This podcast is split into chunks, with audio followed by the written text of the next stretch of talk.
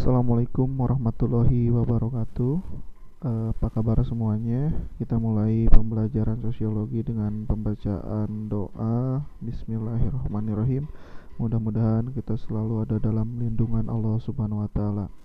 Dan untuk pembelajaran sekarang, bagi yang masih bergabung di grup masing-masing atau bagi yang belum bergabung di grup masing-masing silakan untuk bergabung di grup kelas masing-masing dikarenakan sekarang jadwal per kelas.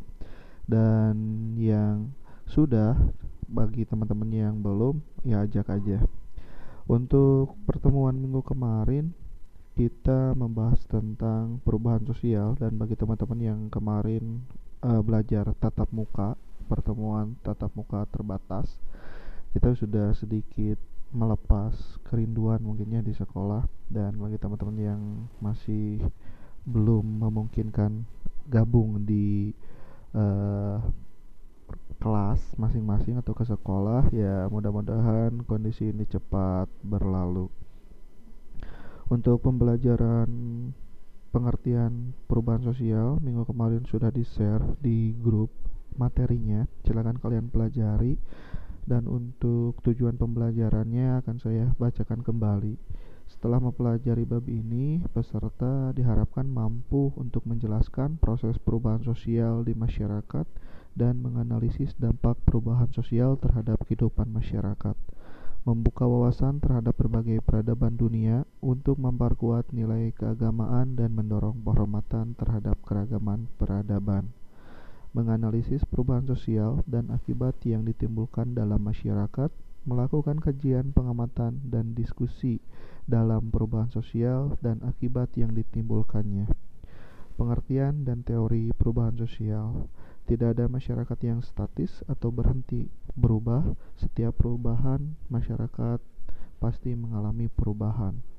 Perubahan yang terjadi dalam suatu masyarakat disebut perubahan sosial. Nah, itu pengertian yang kemarin. Ada beberapa pengertian saya akan ulas kembali.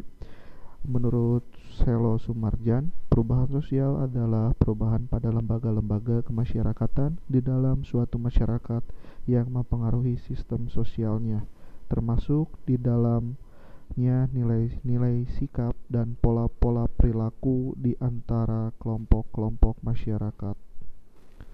Menurut Kingsley Davis, perubahan sosial adalah perubahan yang terjadi dalam struktur masyarakat.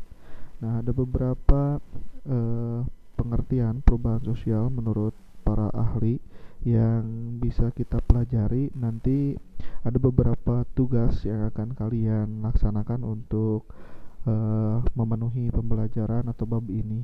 Nanti tugasnya akan saya share di grup tentang apa itu tugasnya. Dalam bentuk-bentuk perubahan sosial ada beberapa bentuk perubahan sosial dan nanti kalau misalnya ada pembahasan yang belum dibahas secara terperinci nanti dalam tugas itu akan kita jelaskan atau akan kita bahas satu persatu. Ada beberapa teori-teori perubahan sosial di antaranya teori evolusi. Teori evolusi ini menggambarkan pola pertumbuhan dan perkembangan masyarakat serta kebudayaannya seperti organisme Perkembangan secara perlahan-lahan mulai dari tahapan yang penting, sederhana menuju tahapan yang paling sempurna. Prosesnya melalui secara linear, secara multilinear, secara siklus dan ada beberapa teori lagi. Ada teori fungsional dan teori konflik. Teori fungsional itu mengatakan bahwa setiap unsur masyarakat memiliki fungsi yang saling terkait dengan unsur masyarakat lainnya. Perubahan satu unsur akan mengakibatkan terjadinya perubahan pada unsur lainnya, yaitu bisa terjadi efek domino. Misalnya, saling terkaitan itu kita di masyarakat uh, sistem pemerintahan di masyarakat jika pemerintahan daerahnya di masyarakat ada kebijakan tentu yang akan merasakan kebijakannya itu adalah masyarakat tersebut jadi saling mempengaruhinya dan saling terkaitnya Terus ada teori konflik, dinamika dalam sebuah masyarakat yang mengakibatkan timbulnya berbagai benturan kepentingan dalam proses yang berlangsung secara positif akan terjadi perubahan sosial. Ada beberapa bentuk-bentuk perubahan sosial, di antaranya perubahan sosial yang berlangsung cepat dan lambat, perubahan secara lambat dikenal juga dengan istilah evolusi. Sementara itu perubahan secara cepat dikenal dengan istilah revolusi. Nah, nanti kalian bisa mencari bagaimana contoh-contoh dari perubahan evolusi dan revolusi tersebut. Kedua, perubahan yang pengaruhnya kecil dan besar. Perubahan secara kecil tidak memiliki dampak luas terhadap berbagai aspek kehidupan. Sementara itu, perubahan besar yang membawa pengaruh atau berdampak luas dan berakibat terjadinya perubahan dalam struktur sosial.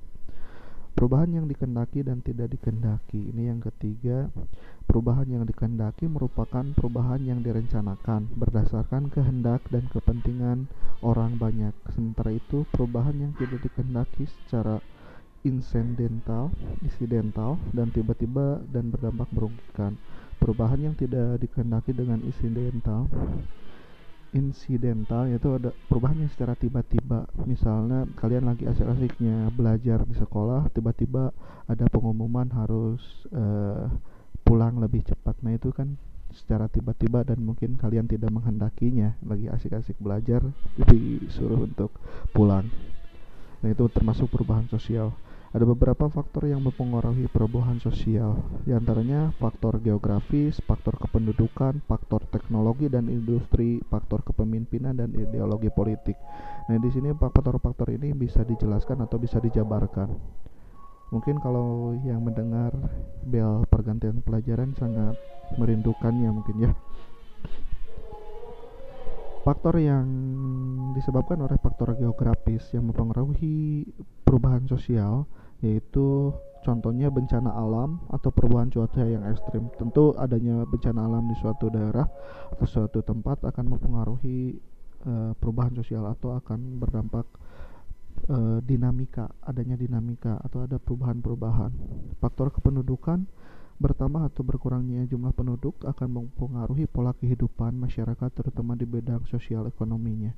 Nah, ini sangat jelas faktor teknologi dan industri, ditemukannya teknologi baru dalam bidang pertanian atau bidang kehidupan lainnya. Nah, sekarang zaman dulu kita berevolusi dari zaman non teknologi dan sekarang sangat canggih dengan teknologi. Dan kita tidak tahu beberapa ratus tahun ke depan akan seperti apa teknologinya. Itu yang dinamakan tadi eh, teori evolusi ya yang perubahannya eh, sangat lambat kalau revolusi cepat bentuk-bentuk perubahan sosial yang tadi dijelaskan di awal Terus yang keempat, faktor kepemimpinan dan ideologi politik. Perubahan sosial yang ada tidak jarang dikarenakan muncul seorang tokoh yang mampu menggerakkan masyarakat ke arah pembaruan dan perbaikan. Sangat kita bisa rasakan dari periode kan kita sebagai negara yang demokratis tentu demokratis e, berdasarkan pemilihan dari suara masyarakat. Dan tentu juga seorang pemimpin pasti akan berganti-ganti karena kita menganut dengan demokratis dari periode pemimpin A dengan B tentu kebijakan-kebijakannya itu akan berbeda sehingga mempengaruhi perubahan sosial di masyarakat nah itu mungkin uh, materi yang saya share untuk pertemuan sekarang nanti tugasnya akan di share juga di grup bagaimana sistematis tugasnya. Jazakumullah atas perhatiannya. Mudah-mudahan kita selalu ada dalam lindungan Allah Subhanahu wa taala. Assalamualaikum warahmatullahi wabarakatuh. Tetap luar biasa dan selalu jaya.